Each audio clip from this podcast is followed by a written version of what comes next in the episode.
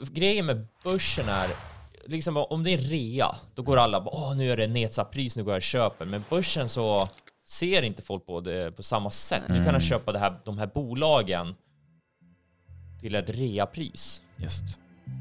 Utan folk blir skrämda. Nu är det rea, nej nu vill jag sälja den här grejen istället för ett rea. Det här är den största utmaningen jag kan ta Räntan i nuläget är 0,0 Vi ser att fler och fler liksom faller i de Välkommen till vår podcast The Compounding Lounge. Det här är podcasten där vi pratar ekonomi och investeringar. Och I dagens avsnitt kommer vi ta upp ett gäng av de, de vanligaste frågor som vi upplever finns inom investeringar och som vi själva får från våra kunder men även från våra vänner och bekanta. Och vi som sitter här är Christian som är medgrundare och en riktigt, riktigt vass trader. Vi har Levi, också medgrundare och vd på Stockholm. Och sen jag själv, Maria, som sitter i styrelsen och även jag är trader. Så jag tänker att vi direkt börjar på, på från våra frågor helt Ja men enkelt. visst, absolut. Kanonbra. Yes, och eh, en första frågan då. Eh, Det finns ju många som får kanske ett stort arv eller en stor bonus och då undrar de och vi, hur ska man agera då? Ska man investera allt på en gång eller ska man sprida ut sina investeringar under en längre tid? Och det finns inga rätt och fel alltid här, utan det är så här vi diskuterar och vad vi tycker. Så vad, vad säger ni om det här? Ja, precis, det var bra att börja med en disclaimer. Det finns inga rätt och fel, det vi säger är inte individuella råd Exakt. och så vidare. och så vidare. Eh, nej men eh, personligen, jag är ju väldigt, har jag insett, eh, stark på att ta risk och tycker att det är eh, bäst att stoppa in allting på en gång. Mm. Jag är ganska säker på att jag har statistiken på min sida, men eh, kan, vi kan komma till det i diskussionen, för jag vet att vi inte är helt överens alla. Exakt, det finns ju liksom både för och nackdelar individuellt också. Mm. Eh, Så som jag ser på det, jag tänkte så här, det finns fyra saker att tänka på här enligt mig själv. Mm. Och det är hur stor portion är det beloppet man då får i förhållande till vad man tidigare kanske har. Mm. Man kanske har mycket investerat. Just. Men har man det inte, då tycker jag att man kan faktiskt vara lite mer restriktiv. Eh, kommer fler investeringar, kanske månadssparande eller kommer man få en stor bonus längre fram varje år? Mm. Får man det inte, då skulle jag också säga att man kanske är lite mer restriktiv. Riskpreferens. Mm. Vill man ta risk? Vill man inte ta risk? Mm. Jag gillar inte så mycket risk, så Mm. jag skulle kanske liksom backa lite där. Och tidshorisont. Hur lång tid tror du att du kommer ha de här på, på börsen? Just det, och den är väldigt, Väldigt, viktig. väl, det är Absolut. nog nästan den viktigaste Ja, poängen där. faktiskt. Eh, Man, det är stor skillnad på om man är i 20-årsåldern eller i 60-årsåldern. Eh, Mm. Man i 60-årsåldern då borde man ju naturligtvis vara lite mer restriktiv och kanske Absolut. inte gå all in på börsen. Mm. Speciellt om det är en väldigt stor summa gentemot ens overall ekonomi. Eh, Medan om man är ung så är det liksom, eh, och rent statistiskt sett så är det ju faktiskt bättre att investera alltid i en klumpsumma. För att 75% av alla börsår är plusår. Mm. Eh, och jag har också sett eh, statistik på där de har räknat på så här olika treårs, femårs, tioårsperioder och sådär. Och det, rent statistiskt är det bäst att ta en klumpsumma. Men såklart, vi är människor och i slutet av dagen måste man tänka så här, okej, vad skulle, vad sover jag bäst på att göra liksom? Om jag gick in all in nu och sen har vi en börskrasch på 50%, hur skulle jag sova då? Hur mycket tid på, har jag på mig att komma tillbaks från det? Medans eh, om vi säger att ja, men jag investerar halva summan och behåller halva summan i ja, någon, någonting väldigt, typ obligationer eller någonting och så går börsen upp 100% på tre år. Det är så här, hur bra skulle, hur mycket regret skulle jag ha? Så man får göra en viss eh, liksom, beräkning där. Exakt, vad tycker man själv är viktigast? Precis. För man vill inte förstöra sin nattsömn och leva Nej. med ånger och ångest liksom. Nej, men Nej. verkligen. Man får göra en viss eh, beräkning där. För, om, för om man bryter ner det då, att ä, alternativet är ju antingen då att man stoppar in alla pengar och då kan börsen antingen gå upp på sikt eller ner på sikt. Och har man då stoppat in pengarna och börsen går ner, ja, då mår man kanske sämre. Och stoppar man in pengarna och börsen går upp så mår man bra. Mm. Men man mår ju oftast sämre i en nedgång än vad man mår bra i en uppgång. Exakt, så rent det jag också tänker. känslomässigt, eh, rent känslomässigt kanske det är ett, ett problem då. Precis, vi är riskaversa, de flesta Mm. av oss, är inte alla det och det är därför man ju får gå till sig själv. Ja, Men Jag tänker som den här utpositioneringen, att den är som en försäkring. mm, För i det långa loppet så är det ju inte värt att ha försäkringar egentligen, eftersom det är försäkringsbolagen som vinner på det och man själv som kund som förlorar på det rent statistiskt egentligen. Men för en- själv är det ju värt ha en försäkring.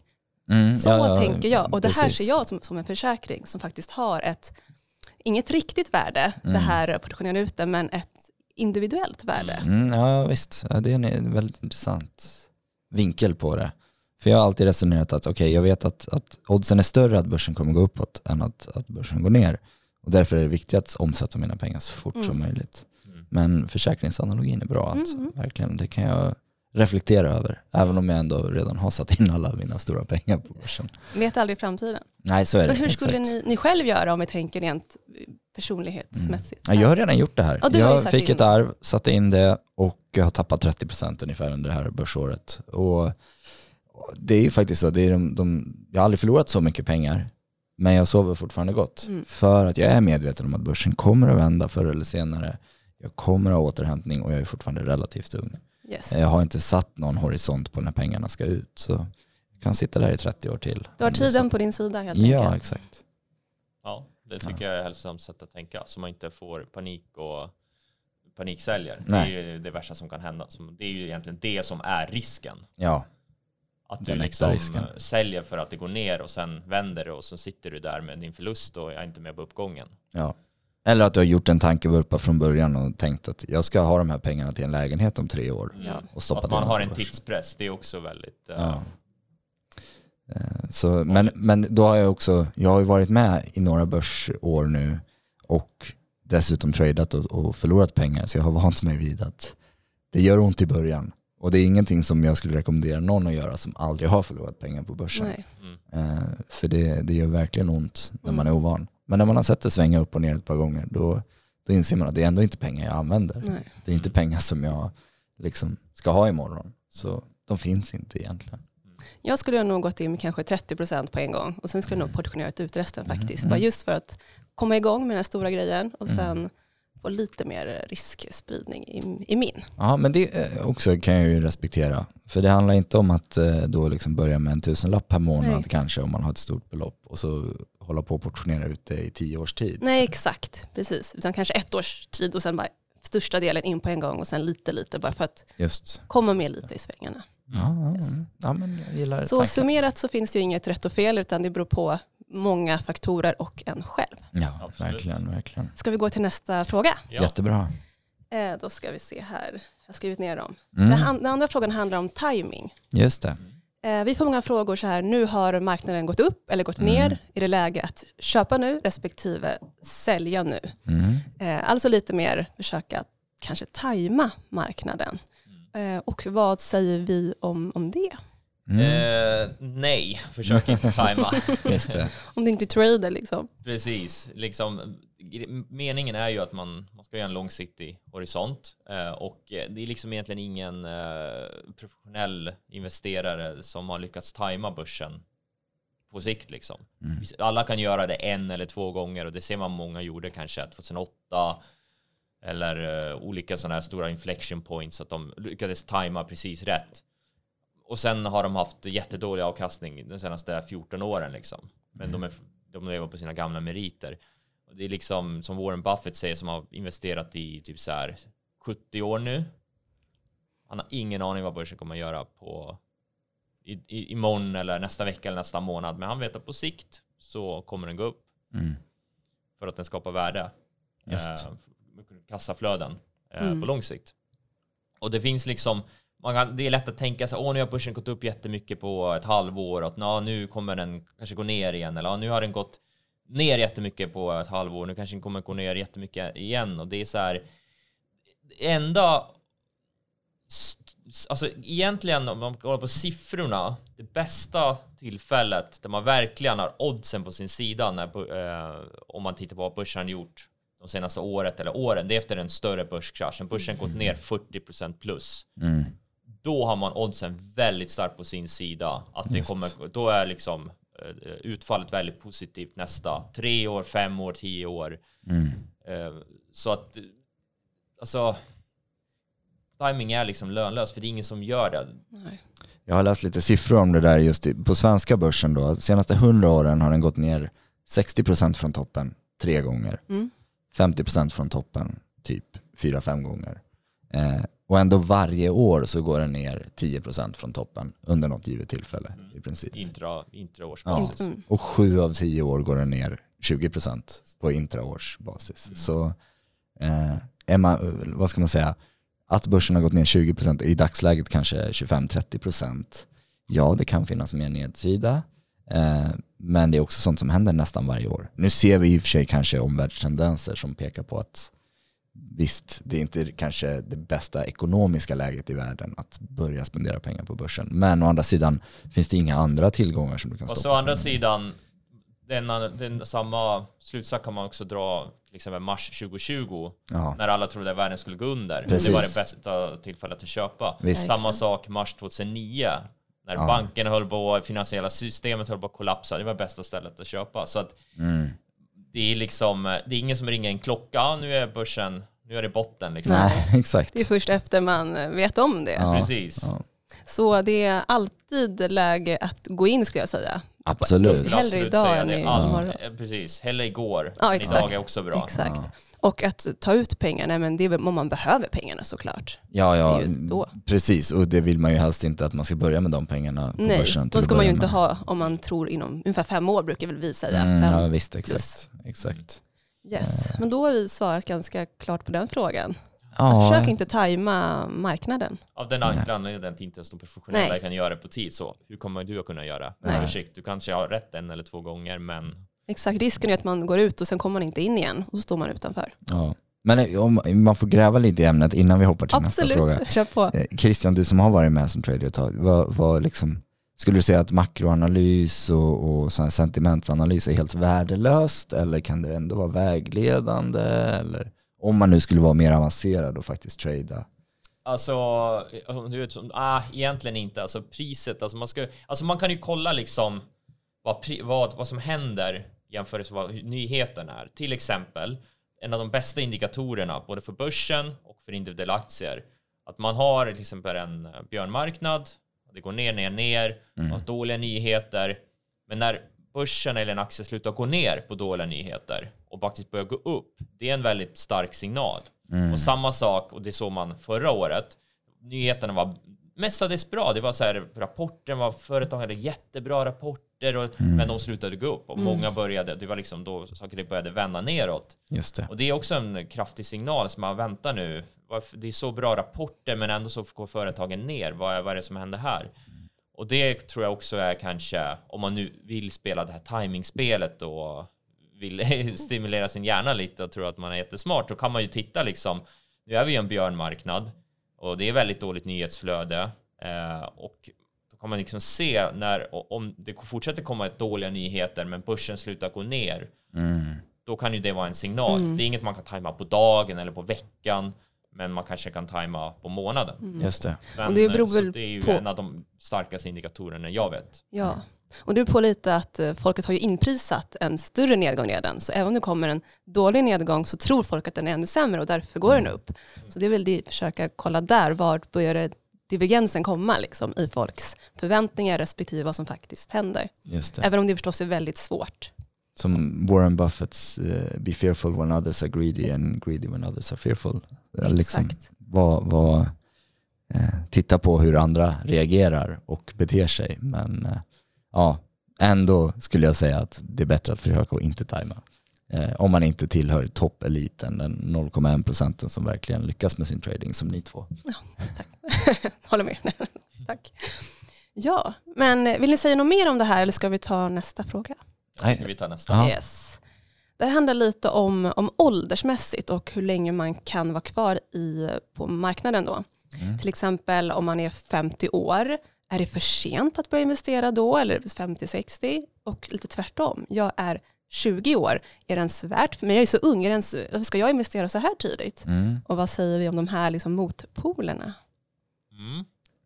Det, jag, du sa ju tidigare här att eh, liksom man ska inte sätta in pengar om man behöver dem inom fem års Ja. horisont. Och där är vi nästan tillbaka till den första frågan då, att har du satt in allt som en klumpsumma, då kan det ju tänkas att du behöver vara beredd på att åtminstone om man tittar på historiken så har svenska börsen gått ner och inte hämtat sig på tio år Mm. i det värsta, värsta caset. Så då, då, om du verkligen tajmar toppen med alla dina pengar, aldrig månadssparar, ja då måste du vara beredd på att vänta 10 år. Så är du 55 och ändå planerar att gå i pension 65, ja, då kan du stoppa in pengarna. Eh, Även om du planerar att gå i pension vid 60 eller, eller sådär och inte behöver ta ut alla pengar på en gång. Varför inte ha dem på Absolut. börsen då? Och, eller minska sin risk också lite grann så att man kanske har Ja, hälften i någon liksom räntefond och hälften i aktiefond eller vad som helst. Så att man är liksom olika exponerad om man känner att man vill det. ja, som ett exempel. Men det är ju alltid värt, det måste vi ju säga. Ja, sen, sen får man ju säga, alltså svensk, i svensk ekonomi, svensk historia så är det 10 år från topp till återhämtning. Eh, På amerikanska börsen tror jag motsvarande siffra är 15 år i värsta kraschen. Och i Japan så har de precis haft en 30-årig eh, dipp som har återhämtat sig för något år sedan. Mm. Eh, så då får man ju fundera på, okej men när vi, kan vi jämföra oss med USA eller Japan eller ska man jämföra med den svenska Mm. historiken? Eh, jättesvårt att säga förstås. Eh, jag tänk, Men man, man kan ju också tänka så här att eh, även om man börjar investera på en börstopp Mm. så går börsen ner, säg 30 eller 50 procent, så går, håller den sig på en låg nivå länge. Man fortsätter månadsspara, då köper man. Så man, man kan ju se så här, alltså grejen med börsen är, liksom om det är rea, då går alla bara, åh nu är det nedsatt pris, nu går jag och köper. Men börsen så ser inte folk på det på samma sätt. Nu kan Mm. jag köpa det här, de här bolagen till ett reapris. just. Utan folk blir skrämda. Nu är det rea, nej nu vill jag sälja den här grejen istället för Mm. ett rea. Eh, och, och man kan ju tänka så här att man kan köpa in sig billigt. Och även om vi hamnar i en period där börsen inte går någon vart på tio år, då kan man liksom köpa in sig till ett bra pris. Speciellt om man är ung. Mm. Det är ett tillfälle att köpa in sig. För det, det, är, det är vä- bättre faktiskt att börsen går dåligt de första 10-20 investeringsåren än att det går dåligt de sista 10-20 Just det. investeringsår. Absolut. Då kan man liksom bygga upp det, köpa in sig billigt och sen går det upp. Mm. Medan om vi säger att man är, uh, så att börsen går bra de första 20 åren du investerar och sen går det liksom, säg dåligt de sista 10 innan man behöver börja ta ut pengar. Det är ju mycket värre för då har man ju köpt upp sig på lite, ja, högre priser och sen går det ner och så har du liksom under lång tid köpt in dig på högre priser. Så det är liksom, man kan ju se det som att det är, det är en bra grej. Man får köpa in sig billigt. Mm. Exakt, Speciellt om man inte är ung. Men det behöver inte betyda att bara för att du är 60 så ska du hålla dig borta från börsen. Nej. Nej. jag. Eh, Definitivt inte. det är- För sannolikheten är ju fortfarande att börsen Precis. kommer gå upp de nästkommande Ja. 5-10 åren. ja, det, är, det är det vanligaste. Ja. det är det som oftast händer. Som, som vi sa tidigare, börsen går ju upp den största delen av tiden. Mm, Såklart exakt. finns det svackor, men Mm. statistiskt så. Jag, Eh. jag, jag tänker också att står du där vid 60 års ålder och ska gå i pension och du funderar på att jag har 500 000 kronor och jag kan köpa en husbil eller stoppa dem på börsen. Jag funderar på vad det är du vill göra med ditt liv och, och liksom, för min egen del tänker jag så här att nu, ska jag, nu har jag pengar på börsen, de får jobba. Eh, även om det skulle bli en 30-årig recession i Sverige så kan, kan mina barn ändå ta del av liksom, avkastningen om 50 år. Så att, eh, om inte jag lever då. Eh, så det är ju liksom det här mindgamet också. Vem, vem sparar man för? Och, och är det bara för en själv eller Mm. är det för, för någon form av framtid? Eh, så ja, det, Det det, tycker jag faktiskt är väldigt bra sätt att framea då. Man tänker att så här, man, jag jag sparar åt mina barn. Mm. mm, Det tror jag, då blir man automatiskt mer långsiktig. visst, Än att ja, men jag sparar för att kunna köpa ett hus om fem år. Det exakt. blir automatiskt liksom kortsiktigare om man kanske gör dumma beslut på vägen. Ja, eh, man kan också, om man inte gillar sina barn så kan man säga så här, "Ja, ja men det, då gör det ingenting om pengarna försvinner på börsen. Nej, men jag tog lite så här eh, siffror på det här och börsen går ju i genomsnitt upp ungefär 8% per år. Stoppar man in då, vi säger 100 000 då ett, ett år Mm. och efter 10 år så är det här ungefär 215 000. Det är alltså mer än fördubblats Ja. i genomsnitt då givetvis. Exakt. Men det är liksom en, en bra, bra odds känner jag ändå för en. Och det här är på bara, bara 10 år. Så Ja. det, det är ju absolut värt tycker jag att investera fast man är lite äldre. Mm. Och då pratar vi ett enkelt, eh, liksom en enkel indexfond också.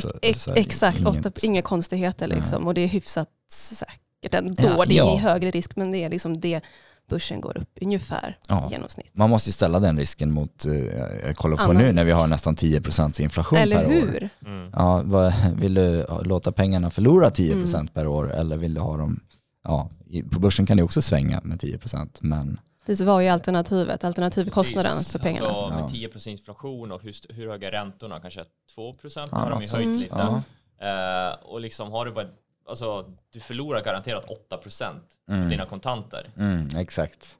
Det är liksom, var, var ska man lägga pengarna? Var är gamblen Exakt. liksom? Nej.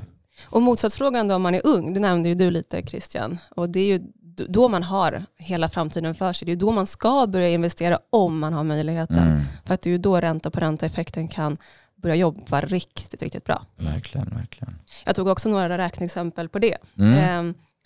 Om, man, om man är 20 år och tänker att jag ska ha de här pengarna tills jag är 60 år, det är alltså 40 år på börsen. Eh, sparar man 100 000 då, samma, Mm. samma liksom, eh, pengar, 8% ränta. Efter 40 år så är vi uppe över 2 miljoner, 2 Mm. miljoner 172 000. Mm. Ut, och det är ingen månadssparande extra, utan det är bara Ja. den här summan. Ja. Så kan man spara lite, kanske 100 000 är väldigt mycket för en 20-åring, men det Ja, gäller ju andra aldrig. summor, och Ja, precis ett exakt. arv, vad som Ja. helst. Mm. Um, och det är alltså utan månads extra månadssparingar. Mm. Så börja tidigt om möjligt. Det är så Mm. bisarrt alltså. Jag vet ju ju att matten är rätt, Ja. men min rationella, eller Det är liksom, helt galet. Hjärnan förstår inte Nej. konceptet. Nej. Mm. Något mer ni vill tillägga till den här typen av frågor? Om ålder? Alltså det, det känns lite tråkigt att alltid säga så här, ah, det beror på och det är upp till dig och sådär. Men, men jag tycker ändå att vi försöker lyfta fram de nyanserna som, som finns i det här. Och, och jag tänker definitivt just det här att man, man ska inte rygga från börsen för att man råkar vara lite äldre. Att man missade tåget när man var 20. Eh, Det är ju inga problem, man har gått många år på sig ändå. Exakt. Mm. En annan vanlig fråga det är att många känner att men jag kan inte investera, jag kan bara investera 100 kronor i månaden eller något liknande. Mm. Eh, vad tycker ni om det? Finns det någon summa som är för liten? Nej, nej det tycker jag inte. Alltså det är klart att eh, till exempel då, då ska man investera kanske i en indexfond där du kan köpa i princip hur små andelar som helst. Eh, så, så jag menar, apropå de siffrorna du precis drog då, om du började med 100 000 som blev 2 miljoner på 40 år, om du börjar med 100 kronor då blir det ändå 2 000 kronor. Alltså, och, och gör man det varje månad dessutom, Verkligen. Ja, då kan man räkna hur många månader är det på 40 år? Eh, 480, nej, jo, Många månader. ja, ja. exakt, 480 månader gånger de här, ja, säg Mm. 2000 kronorna. Ja, då är det uppe i i alla fall en miljon. Så att det, det är ju en miljon kronor vid pension om du börjar spara 100 kronor i månaden som 20-åring då. Mm. Eh, det är inte så dumt. Exakt, jag menar, ing- allt, någonting är alltid någonting. Liksom. Det är mycket Mm. och det är bättre än ingenting. Mm. Så det Exakt. finns aldrig för små summor. Speciellt just indexfonder där man kan köpa just 100 kronor. Mm. Det är värre med dyra aktier för det går ju inte att gå in kanske. Men en Såklart. indexfond är ju så förmånlig på det Ja. viset. Verkligen. Och sen, sen kan man ju alltid tänka sig att stoppar in 100 kronor per månad, har de en indexfond i ett eller ett par år och ser en tillväxt på dem. Jag räknade ju inte ens med ränta på ränta upp till min en miljon där. Eh, så alltså du, eh, du kan ju alltid byta strategi. Nu är inte det något man rekommenderar. Men om du är ung och färsk och liksom inte har tid att lära dig just nu, inte har tid att bli en proffstrader, ja, börja med en indexfond då. Och sen fundera på någon, Mm. någon liksom, mer avancerad eh, produkt senare då kanske. Jag tog lite siffror på det Ja, också. Just, bra. så. Ja, just 100 kronor och man ska ha dem i 30 års tid med Ja. 8% ränta. Mhm. Det blir 141 000 kronor. Det är ju rätt bra buffert om man säger så. Så det är mycket pengar till, till slut. Mm. Eh, Och så tänkte jag, ja men vi är ändå Stockholm, vi vill ju ha kanske lite högre ränta just med tanke på vår, vår tjänst. Mm. Så jag tog bara 25 procent bara för att göra det enkelt. Då har vi efter 30 år över 4 miljoner. Mm. Så Mm. det, mm, det finns ju ändå, ingen summa är för lite vill jag säga. Nej, verkligen. Mm. Helt rätt. Det, det, ja, de där siffrorna är ju är bisarra och ibland har man svårt att förstå att vår metod är så kraftfull Ja, verkligen. Men, men eh, det är egentligen inga konstigheter. När man hittar, man jämför ett index mot alla de bästa aktierna Mm. i indexet, ja då kommer man få väldigt olika resultat. Absolut. Ska vi, vi ska snart börja avrunda, men ska Mm. vi ta en sista vanlig fråga som vi får? Mm. Ehm, vi får ju mycket frågor om vår tjänst också. Och då har vi en vanlig fråga. Hur mycket ska jag investera i Stockholm? Ska jag gå all in med mina investerade pengar eller sparade pengar? Eller ska, hur ska jag tänka där? Mm. Väldigt Det är- relevant fråga. Dels så kan man återkoppla den frågan tidigare om man ska ta en klumpsumma eller eh, dollar cost averaging, att man tar med jämna mellanrum.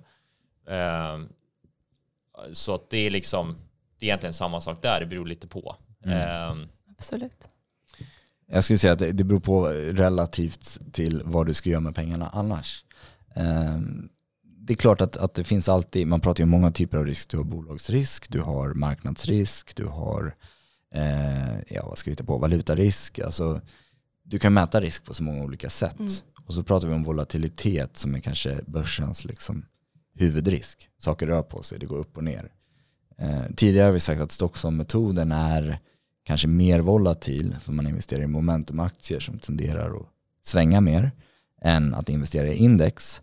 Eh, men i och med att vi också har en stopplåsfunktion i vår metod nu så bromsar man nedgångarna väldigt mycket. Och då ser vi att eh, vår sharp ratio är betydligt mycket bättre än om du investerar i index. Så, så det är någonting att tänka på att den riskjusterade avkastningen kan faktiskt vara bättre även med en aktiv Mm. metod. Sen kan man ju komma ihåg att man kan investera både i indexfonder och Stockholm. Man kan investera i till exempel fastigheter och Stockholm. Mm. Man kan investera, kanske starta ett eget bolag och spara i Stockholm. Exakt. Eh, Så att man behöver inte gå all in i just Stockholm oavsett hur man nu gör. Nej, eller inte. nej. Men Eller hur? För, för vår tjänst har ju tio då aktier, Mm. men man kanske vill ha ytterligare ett komplement, liksom en indexfond.